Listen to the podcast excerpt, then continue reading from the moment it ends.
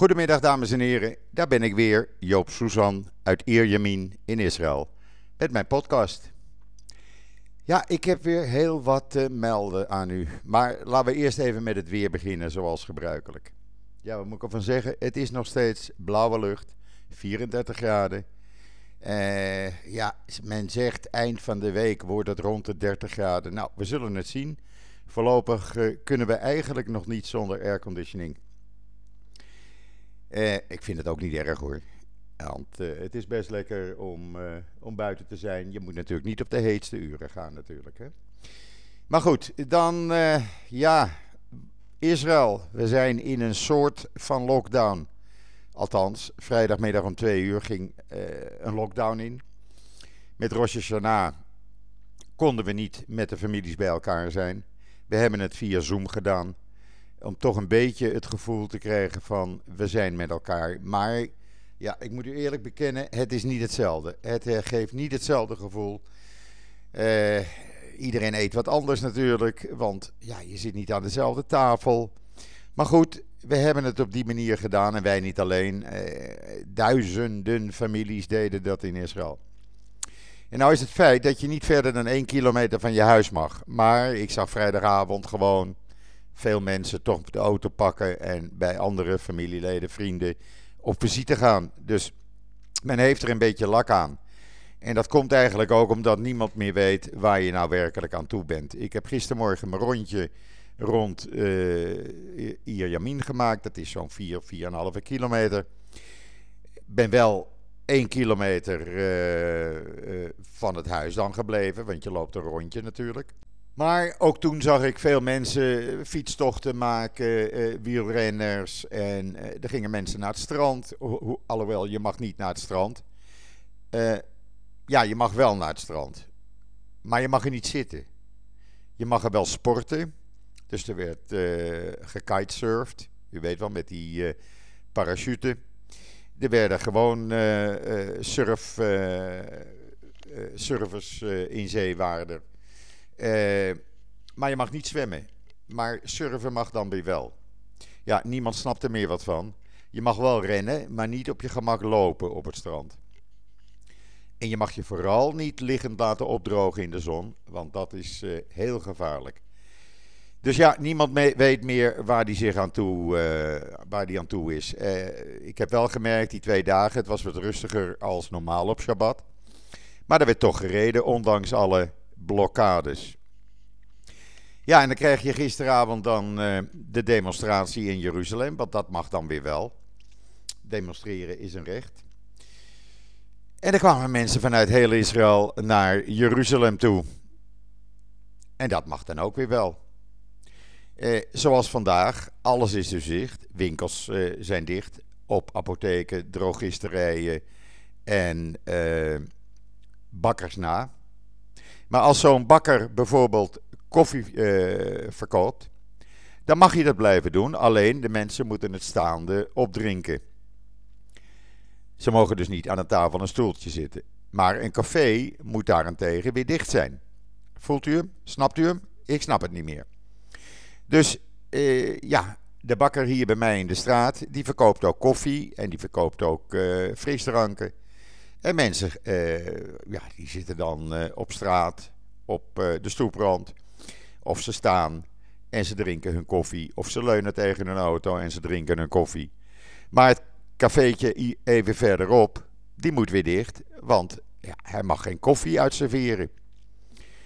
Dus niemand, niemand snapt er echt meer wat van. En dan vanmorgen. Je mag dus wel werken. Bedrijven die geen publiek ontvangen, mogen gewoon open zijn. Dus men gaat naar het werk. Wat doet de politie? Die gaat uh, wegen blokkeren, wegen afsluiten, uh, checken iedereen uh, of hij wel naar zijn werk gaat. Ja, dan kan je wel zeggen, je gaat naar je werk, maar je moet het wel kunnen aantonen natuurlijk. Maar ik denk toch niet dat de politie iedere werkgever gaat bellen van... ik heb hier een mosje in de auto, die zegt dat hij bij je werkt. Zo werkt het natuurlijk niet. Dus u begrijpt, het is chaos alom. Gisteravond lieten ze trouwens op televisie zien, dat was wel even lachen op het journaal. Uh, ook gisteren waren er natuurlijk blokkades op de snelwegen. En uh, er komt een auto aan. Vader, moeder, twee kinderen. En waar gaat u naartoe? Ja, ik ben onderweg naar het ziekenhuis voor mijn zoontje. Want uh, die voelt zich niet goed. En toen zegt dat jongetje achter in de auto. Maar papa, we gaan toch naar het park toe, had je, had je beloofd. Ik ben helemaal niet ziek. Ja, toen kreeg hij natuurlijk een bon van 150 euro. U begrijpt, uh, ja, men doet maar wat. Men doet maar wat. En dat kan gewoon niet zo doorgaan. Gisteravond ook. De mediaadviseur van premier Netanyahu, die was dus ook in Washington. En iedereen die in Washington zit, of was, verleden week bij die ondertekening van die akkoorden met de Emiraten en Bahrein, die moest bij terugkomst minimaal vijf dagen in quarantaine. Waarom zij vijf dagen in quarantaine moeten en als ik uit het buitenland terug zou komen, uh, 10 tot 14 dagen, dat is voor iedereen een raadsel. Maar in ieder geval tot vanavond, maandagavond, moeten zij in quarantaine. En daar liep gisteravond op die demonstratie opeens de mediaadviseur van Netanyahu vrolijk fotograferend en filmend in het rond. Want hij was al die demonstranten aan het filmen. Ja, zegt de Likud-partij, hij was voor een coronatest en hij was op weg naar huis. Nou, dat is natuurlijk door journalisten gecheckt. Wat bleek? Hij was een uur eerder, uh, had hij de test gedaan. Uh, een uur eerder had hij de test gedaan. En hij was helemaal niet op weg naar huis. Hij was gewoon op die demonstratie bezig om te filmen. Daar zijn natuurlijk uh, aanklachten tegen ingediend. Maar als dus, laten we zeggen, onze leiders en hun assistenten zich al niet aan de regels houden, hoe kan je dan verwachten van een gewone burger uh, dat hij zich wel aan de regels houdt? Uh, ik snap het niet meer. Ik, ik weet dat er regels zijn, maar door het bos kan je de bomen niet meer zien. Want de ene dag is het dit, de andere dag is het zus en dan weer zo. En dat ontgaat iedereen waar die nou wel en niet aan toe is. Morgen komt het coronakabinet weer bij elkaar en gaat dus kijken of we na Yom Kippur, volgende week maandag is dat, nog strengere maatregelen krijgen opgeleverd of niet.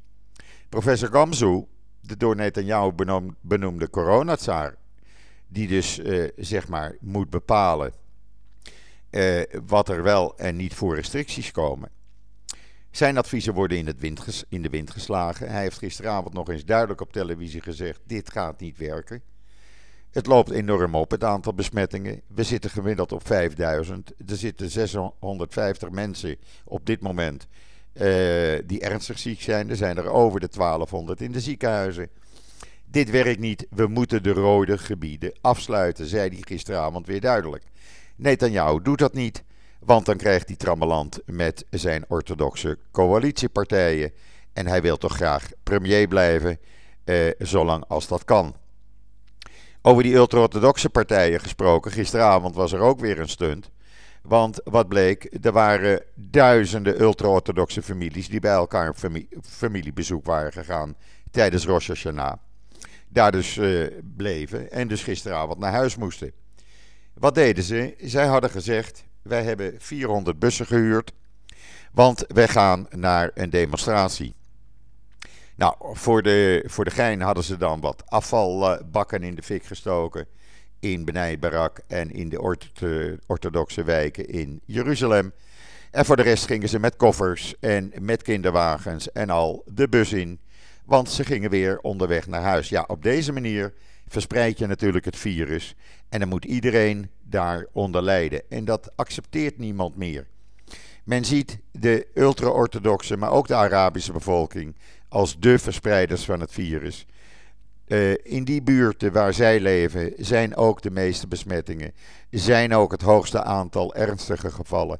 Zijn ook het hoogste aantal patiënten die eraan overlijdt. En dat kan gewoon niet doorgaan. En als Netanyahu te slap is om uh, op zijn poot te blijven staan en te zeggen: Oké, nu sluit ik die orthodoxe wijken, nu sluit ik alle buurten waar grote besmettingen zijn, die sluit ik gewoon af van de buitenwereld. Er gaat niemand meer in en uit. Ja, als hij dat niet doet, dan blijven we hier nog maanden met het virus rondlopen. Uh, En dat kan gewoon niet. Dit moet stoppen. En professor Gamzu heeft dat gisteravond ook duidelijk gemaakt. Hij was eerst op channel 13, daarna op channel 12, daarna op channel 11. En overal vertelde hij hetzelfde verhaal. Mijn verkeerslichtenplan is het enige plan dat werkt. Ik ben daarvoor ingehuurd. Maar als ik mijn advies geef en het wordt gewoon niet opgevolgd, ja, wat doe ik hier dan nog? Netanyahu op zijn beurt had gisteravond op alle tv-zenders uh, een stel van zijn ministers afgevaardigd. En het viel op, want ik ben een beetje gaan switchen tussen die kanalen. Het viel op dat ze allemaal hetzelfde verhaal vertelden. Allemaal van Israël doet het nog zo slecht niet. En kijk eens naar Engeland en kijk eens naar Frankrijk met de besmettingen. En ook Engeland gaat op lockdown. Ja, maar daar hebben wij niets mee te maken. Wij wonen niet in Engeland, we wonen niet in Duitsland of Frankrijk, we wonen in Israël. En wij verwachten van onze leiders een, hoe, hoe zeg je dat op zijn Nederlands? Een wijs, een wijze aanpak, laat ik het zo maar zeggen, van het coronavirus. En als men politiek voor gezondheid laat gaan en de politieke belangen op nummer 1 zet en de gezondheid pas op de tweede of derde plaats komt, ja, dan, uh, dan krijgt iedereen uh, de pest in, wordt iedereen kwaad. En houdt op een gegeven ogenblik niemand zich meer aan de voorwaarden, aan de restricties. En dan kunnen ze wel nog strengere uh, restricties afkondigen volgende week. Niemand zal zich daar nog aan gaan houden. Men is het zat. Men is dat zwalkende beleid hier in Israël totaal zat. Dat is de situatie op dit moment. Uh, en zoals ik zei, vanmorgen schreef ik dat al op uh, JoodsNL. Het is chaos in Israël. En een ander woord, ik kan het er helaas niet vinden. Ja, en dan iets heel anders. U weet, wij werken al een tijdje samen met NGO Monitor. We krijgen hun eerste onderzoeken, uh, al hun onderzoeken, meteen vers van de pers. En zo ook nu weer. We hebben vanmorgen een onderzoek gepubliceerd waaruit blijkt dat een aantal NGO's gewoon alles in het werk stellen om geen vrede in het Midden-Oosten te laten plaatsvinden. Die NGO's die uh, komen op voor de Palestijnse belangen, prima. Maar die werken tegen de vredesakkoorden. Die vinden de vredesakkoorden die Israël met Bahrein en de Emiraten heeft afgesloten, vinden ze maar niets. Daar proberen ze tegen te vechten. Uh, en dat doen ze allemaal vanuit hun eigen straatje. En er zijn een aantal uh, bekende NGO's bij. Maar er zijn ook NGO's met Nederlandse banden bij. En daar kom ik zo dadelijk op terug. Natuurlijk, Human Rights Watch. U weet wel, die opkomt voor de mensenrechten. Ja, die is zo tegen deze vredesovereenkomst. Want uh, dat verandert niets, vinden zij, aan de onderdrukkende, discriminerende eenstaatrealiteit voor bezette Palestijnen. Nou, sorry, dan zou ik zeggen tegen Human Rights Watch had gisteravond even op het Israëlische tv-journaal gekeken. Hoe Israëlische artsen een Arabische man hebben gered van de dood van het, door het coronavirus. En hebben gezorgd dat zijn zoon, nadat hij was opgeknapt, en daar hebben ze echt alles aan gedaan. In het ziekenhuis in Beersheba, het Soroka ziekenhuis. Hebben ze alles aan gedaan om te zorgen dat die zoon in het ziekenhuis uh, zijn bruiloft kon vieren, zodat zijn vader erbij kon zijn.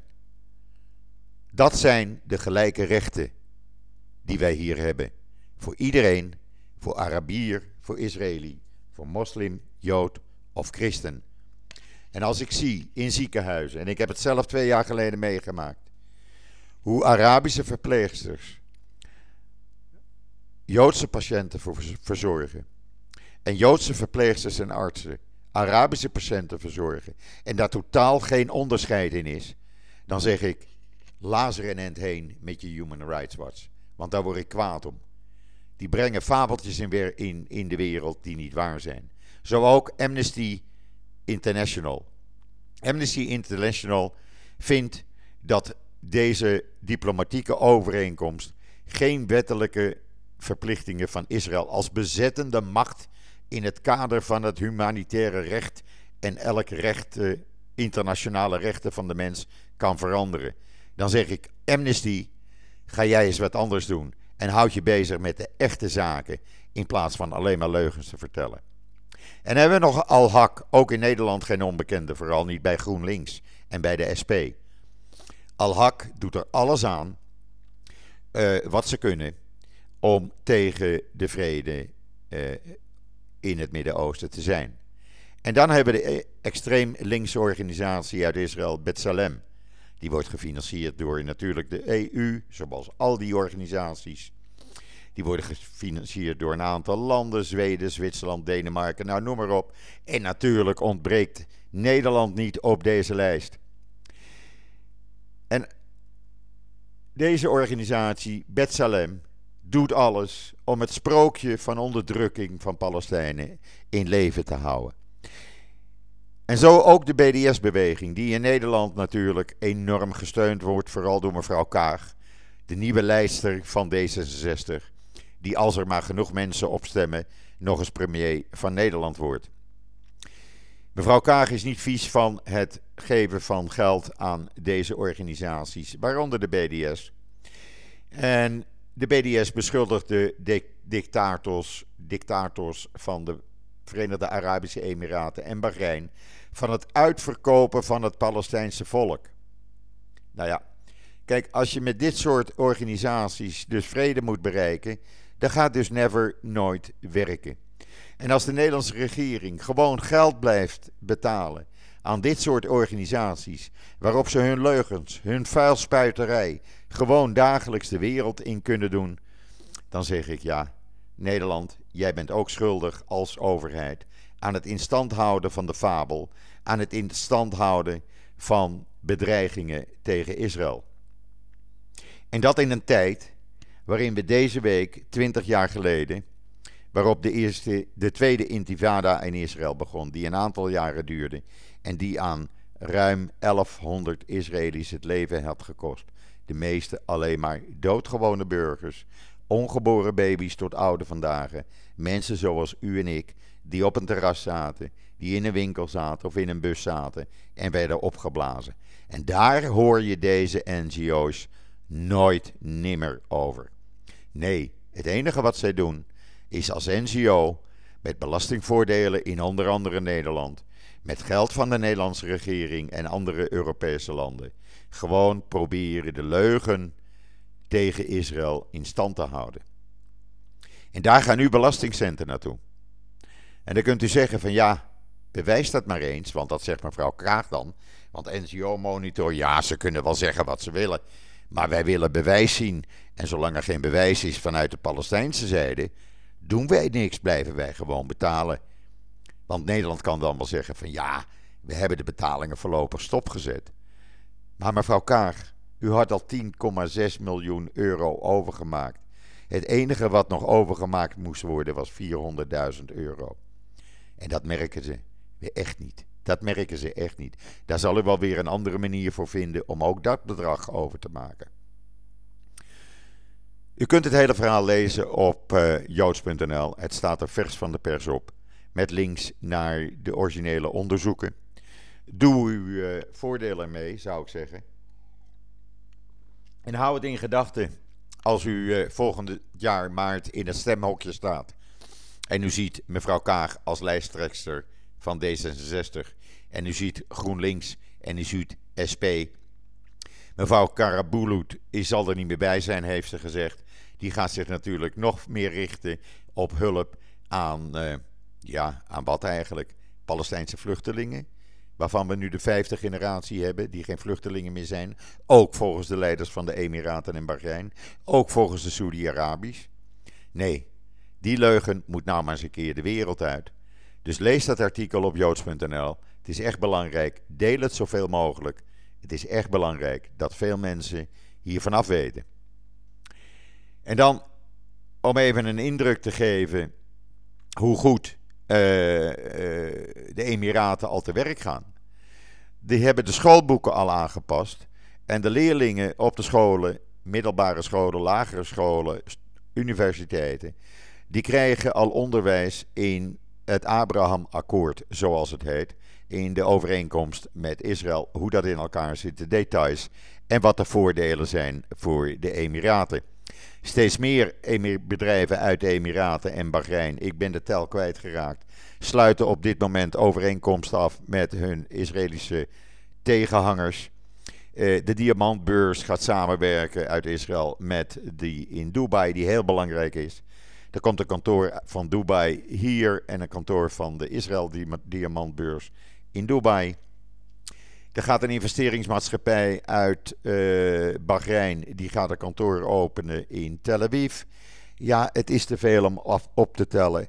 Ik ben de tel kwijtgeraakt. De haven van Tel oud, uh, de oude haven van Haifa, die wordt overgenomen door een consortium van Israëlische en uh, bedrijven uit Bahrein die dat samen gaan doen. Dus het gaat alleen maar goed. Het gaat alleen maar goed. En de voordelen zijn niet meer te tellen. Ehm, en dan nog even voor de voetballiefhebbers. Als u het nog niet gelezen had, het staat op joods.nl. Iran Zahavi, topscorer in Israël, topscorer in China, waar hij vier jaar heeft gevoetbald. Die heeft een contract getekend voor twee jaar bij PSV. Ja, u hoort het goed, hij gaat voor twee jaar naar PSV. Gaat tussen de 2 en 3 miljoen euro's verdienen. En krijgt daarna nog bonussen die ook niet mis zijn. Zodra hij 15 of meer doelpunten heeft gescoord. Nou, dat gaat hij zeker doen. Want zoals ik zei, u kunt het lezen in, trouwens in JoodsNL. Hij eh, was topscorer in de vier jaar dat hij in China voetbalde. Eh, dus ja, PSV heeft een, eh, een, eh, een goede koop gedaan, zou ik zo zeggen. Hij kost niet te duur. Uh, omdat hij, ja, hij is 33, maar hij is nog hartstikke fit. Hij, hij speelt ook in het Israëlische nationale team. Scoort aan de lopende band. Heeft al 58 wedstrijden als internationale speler voor het Israëlische team achter de rug. Dus ja, een goede voetballer die ik eh, erg graag zie voetballen ook. De manier, ga maar eens kijken op YouTube, Eran Zahavi. De manier waarop hij scoort, ja, het is een beetje huntelaarachtig in zijn goede tijden. Eh, dus ja, dat, uh, dat wordt nogal wat. En zoals mensen mij gisteren al zeiden: van hé hey Joop, dan niet alleen meer bij Ajax, maar ook bij PSV. Vanaf nu dan Israëlische vlaggen. Ja, dat zal dan wel.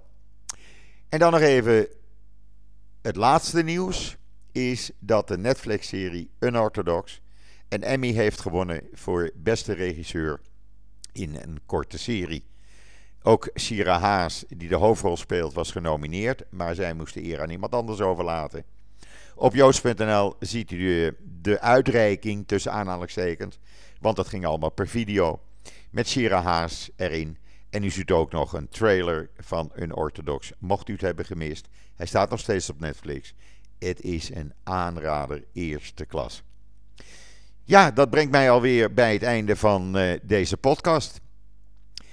Uh, de tijd gaat snel. Hou JoodsNL in de gaten, joods.nl, voor al het laatste nieuws uit Israël en de Joodse wereld. Uh, er is genoeg te lezen, er staat genoeg te lezen. Er komt zo dadelijk nog een heel goed artikel van mijn broer, een column op. En ik zou u aanraden, mis hem niet. Want zijn columns zijn altijd veel gelezen. Duizenden keren en worden ook veel gedeeld. Maar deze, ja, hoe hij het doet, doet hij het. Maar hij heeft er weer zichzelf overtroffen. Kijk zo dadelijk eventjes op JoodsNL, zo rond een uur uh, of uh, kwart voor één. Vanaf dat moment staat hij erop. Ga hem lezen. En dan uh, ja, weet u een beetje hoe, hoe het in elkaar zit. Met de vrede en met mevrouw Kaag. En met alles wat ons bezighoudt. Rest mij u nog een hele fijne voortzetting van deze maandag toe te wensen. Wat mij betreft, ijs en wederdienende, ben ik er donderdag weer. Hou afstand, hou het veilig en zeg ik op mijn beurt tot ziens, tot donderdag.